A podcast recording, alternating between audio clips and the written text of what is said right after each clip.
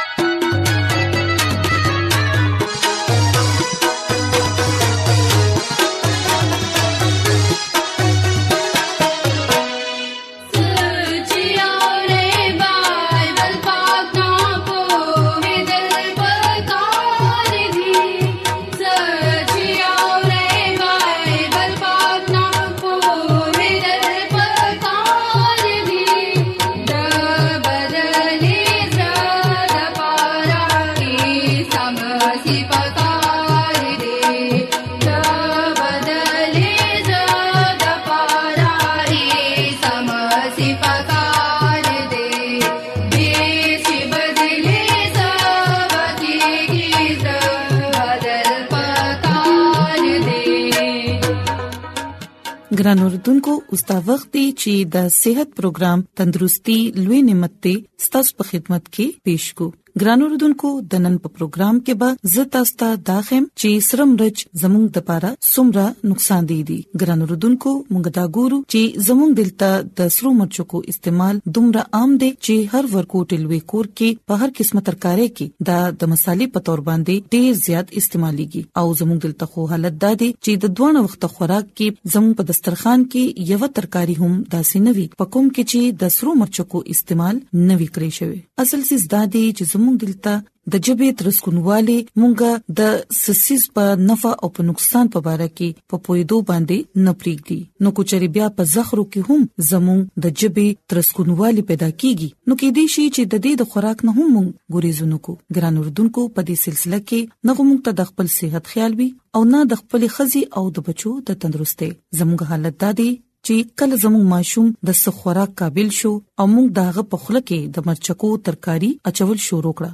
په شروع شروع کې خو ماشوم خپل خله جوړه کی د خپل نفرت اظهار وکي خو موږ داغه نفرت نظر انداز کو او اخرکار ماشوم د مرچکو خړلو عادي جوړ شي او هغه فطري جذبه نفرت د دې د مازغونه ختم شي د سرو مرچکو نقصاناتو فهرست ډیر زیات اوږد دی او د دې د فائدو حیثیت په اړو کې د مالګې پشان دی ګران اردوونکو د مرچکو ډیر زیات نقصان دي اثرات دي کوم چې زموږ د غذا پناله باندې پریوزي کوم چې د خلې نه شروع کیږي ګران اردوونکو یاد ساتئ کله چې موږ سسي سخرو پکوم کې چې مرچکی تیز یا زیات وي نو د ټولو نمک کې د دې تیزه او د دې مرچکو اثر زموږه جب محسوسي گویا د قدرت د جوړ کړی شوی جسمانی نظام په مطابق مونږ ته دا ویل کیږي چې مونږ داسې سیس لګیا یو خرو د کوم نه چې زموږ صحت ته نقصان رسیدي شي خو مونږ د دې بالکل پروا نه ساتو زموږ خله ډیره په خراب طریقې سره لګیای سوځي پوز لګیای بېږي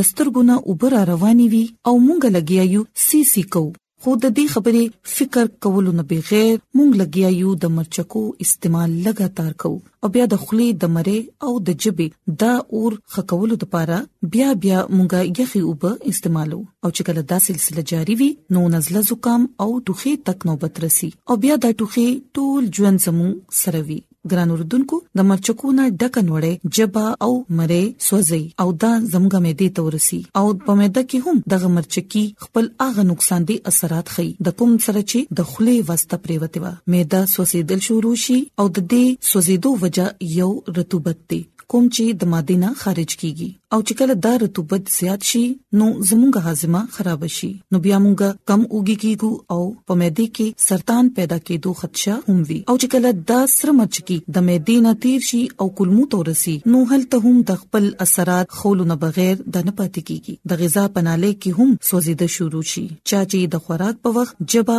او مره سوزول و او ګران اردوونکو کله چې د مرچکو ګرمي او د دې تیزي په وینه کې جذب شي او دا متاثر شوی وینه سترګو پورې ورسي نو ډیر زیات خراب اثرات په سترګو باندې هم پریوزي ګران اوردونکو یاد ساتئ چې د مچکو زیات استعمال زموږ د وطن لپاره ډیر زیات خطرناک دی او کچره موږ بیا هم د مچکو استعمال کم نکړو نو زموږه بینایي به کمزوري شي یعنی زموږ نظر به کمزوري شي او عمدغه د مچکو نه متاثر شوی وینا په زیګر باندې هم خپل اثرات پرې باسي د کوم په وجه باندې چې انسان په مختلف قسمه بيماريانو کې مبتلا شي او بعضي خلکو ته بواسير هم لګي نزله زکام شي او ډایریا هم شي نو ګران اردوونکو مونږ ګورو چې د مرچکو زیات استعمال څنګه زموږ د صحت لپاره خطرناک دی یاد ساتئ چې معمولی مقدار کې د مرچکو استعمال لږ افادیت هم لري او دا هم بالکل قدرتي سیز دی او په دې پوره کائنات کې هیڅ تخلیق داسې نه دی کوم چې د خپل اثرات په وجه باندې صرف نقصان دی اثرات ساتي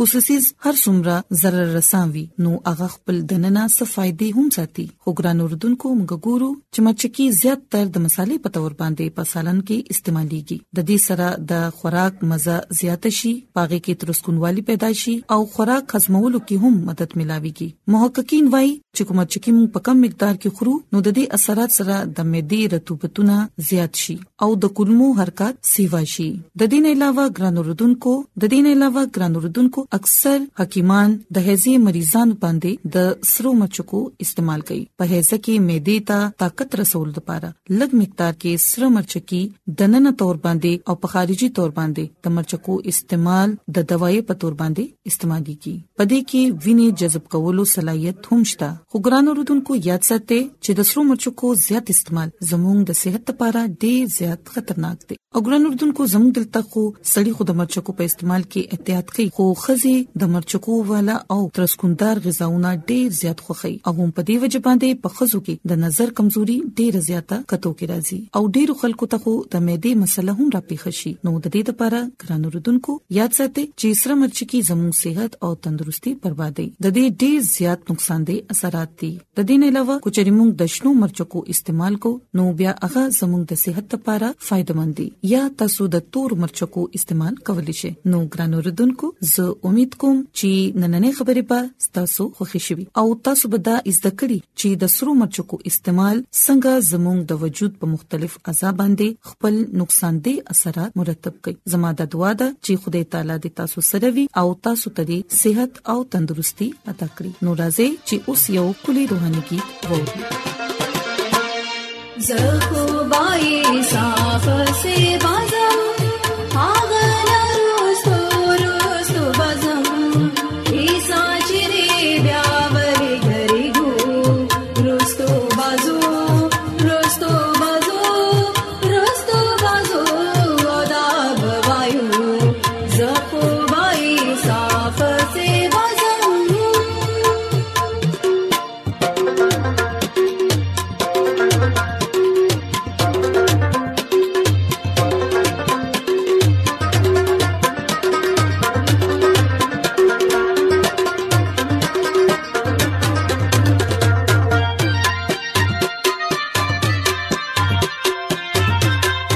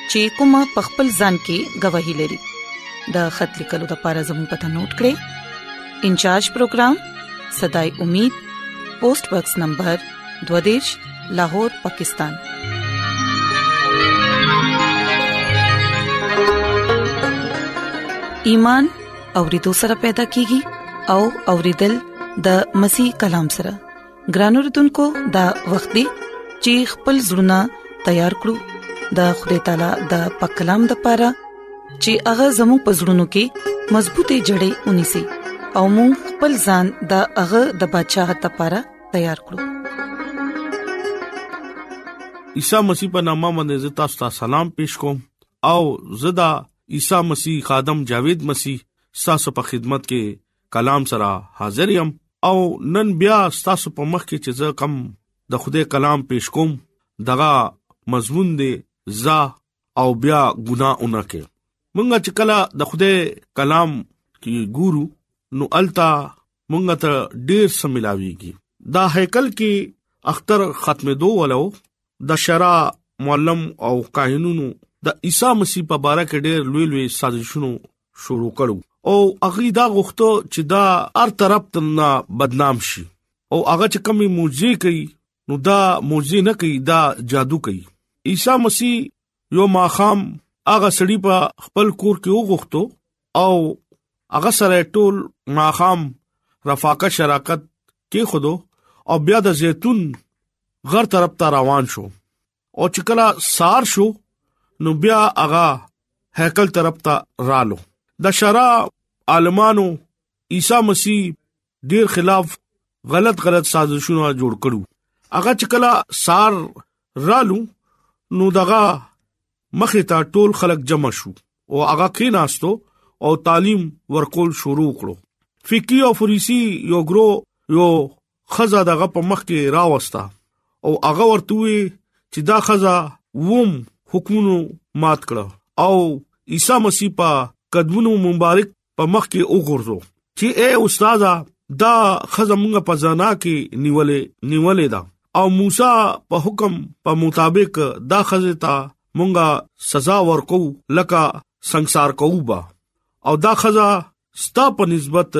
ګناګارا دا کو نه ده یو نا اتم باب دغه سلورم آیت او پنځم آیت کې لیکلي دي عیسی مسیح په مخ کې چې کله غا خزراله نو يهوديانو فقيه او فريسيانو عالمانو دا سازش کې عیسی مسیح ګیرول عیسی مسیح د دې ګنا نه بری کی او مونږ دا وایو چې موسی شریعت منسوخ کو او چې کله عیسی مسیح په دې خزه باندې د مړی فتوا صادر کړه نو رومي حکومت دې پسې بولګي عیسی مسیح ته دا ارس پتاو ولی چې اغا د خدای زوی او خدای ولډه غټ اختیار ور کړو هغه د زړونو حال پیجنې هغه ته ټول ارس پتاوه چې د دې خزه په وسیله ما دی ګیرای او ما باندې فتوا ولګی الته ډیره غټه مجمع وا او ډیر لوی لوی عالمان الته جمع شوی او دغه په سترګو کې د رم صدا سي سیز نخ کاری دا هغه ټول بیتاب وو چې دا منظر بسنګا او دا کیسه بسنګا ختميږي برحال دا سوال اغي وکړو او عیسی مسیح خپل سترګې پزماکه باندې اولګولې او لیکل شروع کړو انظام لګول ولا ته چر کلا وکتو نو جواب ډېر لکسات پاسه ورکو ګران اوردونکو اغا صبر وکړو او ډېر خوشمزاج سره جواب ورکو ولې چې دا معاملہ ډیره سنگینه و ګران اوردونکو عیسی مسیح ورته وی چې تاسو ته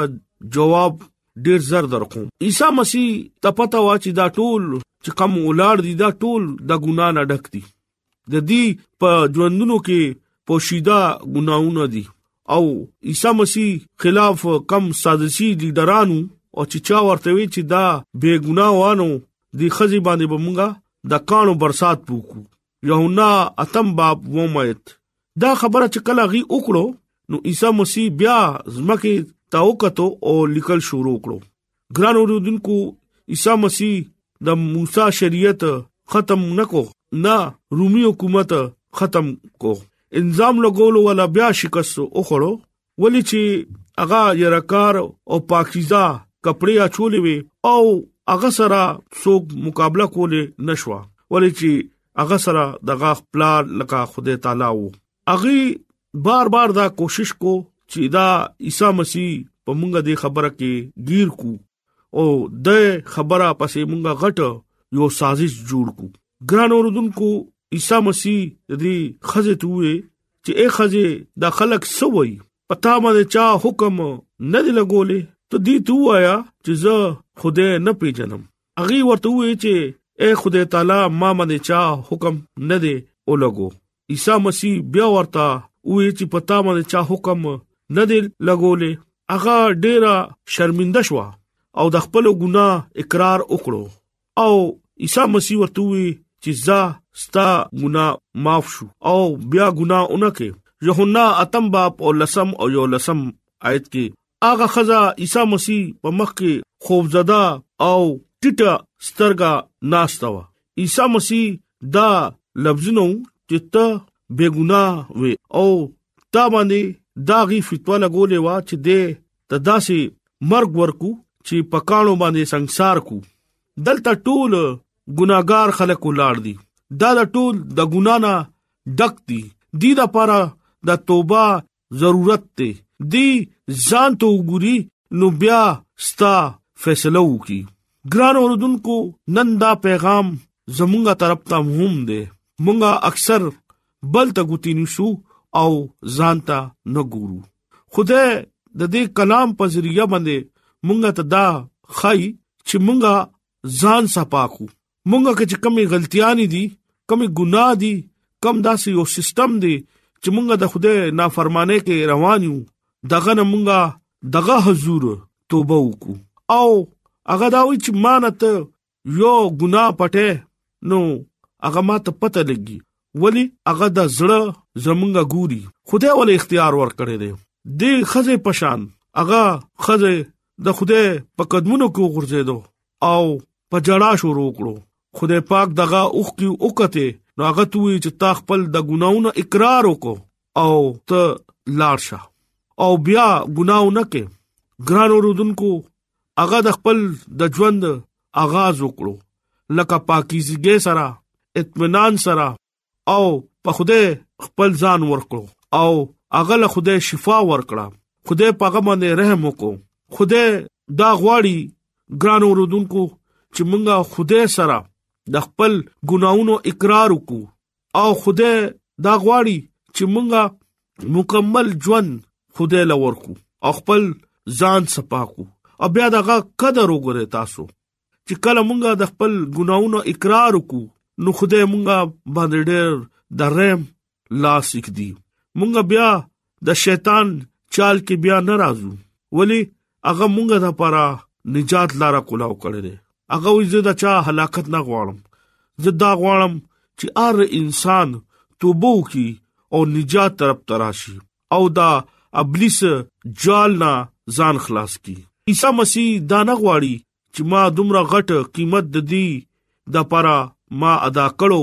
اوس هغه د دشمن ازمایښونو نشانه جوړ کی هغه دا نه غواړي د دا غواړي چې دی ما سره وفادار اوسيږي او وفادار گوايانه ورکی خوده مونږ سره ډیره مینه کوي ګران اوردونکو عیسی مسیح دا نه غواړي چې زما بچي په آزمائش کې راشي ګران اوردونکو هغه د ازمرو خله بنده کړي و چې کم خلک وفادارو هغه اورنا هغه وخکو هغه ننم زمونږه د لپاره تیار دی او هغه دا وایي چې ستا ګناونه زب معاف کوم ته اوسم زما خواته راشه زبتا باندې ډېر لوی د رحم لاس پېږدم ګران اوردونکو چې کم خلک عیسی مسیح باندې ایمان راولي او دغه پسې روان شي څنګه چې ابراهام هغه پسې روان شو نو خوده ولډې لوی برکت ورکو چې دا کلام چې کم مونږ نن وره دو دا آیا زما د پاره دی یا تاسو د پاره دی زه تاسو نه اپیل کوم چې د دې کلام باندې تاسو غور وکړي چې عیسی مسیح یو زناکار خزه باندې رحم کولی شي نو مونږه هو دغه نډیر خيو اغا د دنیا مالک ته اغا دا نه ګوري ته د کم مذهب به اغا دا غوړي چې دا ټول دنیا مالک یم ګران اوردونکو ځان تیار کړي توبه د پاره خپل ګناونه دغه په مخ کې کېږي او نن ما سره اقرار وکړي د کلام په وسیله نن زه توبه کوم او خوده په مخ کې د خپل ګناونو اقرار کوم او ځان خدای لور کوم نن نه پس زبدا غلط حرکتونه غلط عادتونه او ګناه طرف ته ناراضم او همیشه ابلیس سره جنگ د پاره به تیار یم او بل آمد د پاره نن نه زه تیاری شروع کوم د کلام په وسیله تاسو ته خوده برکت ورکړي امين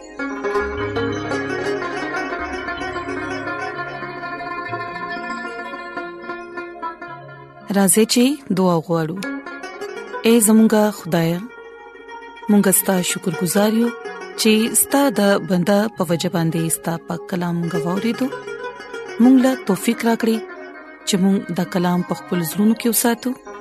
او وفادار سره ستاسو حکمونه ومنو او خپل ځان ستاسو د بدشاہت لپاره تیار کړو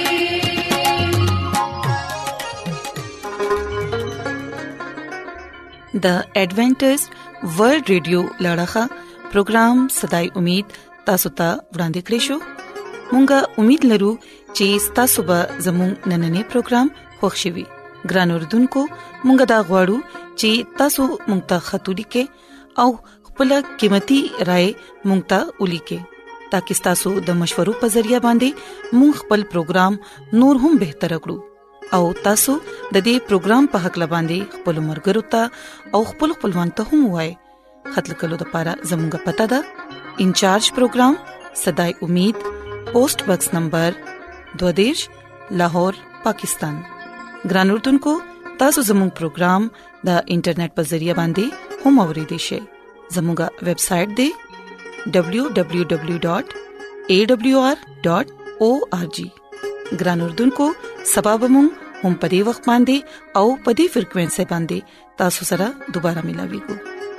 اوس په لیکوربا انم جاوید لا اجازه ترا کړی د خوده پامن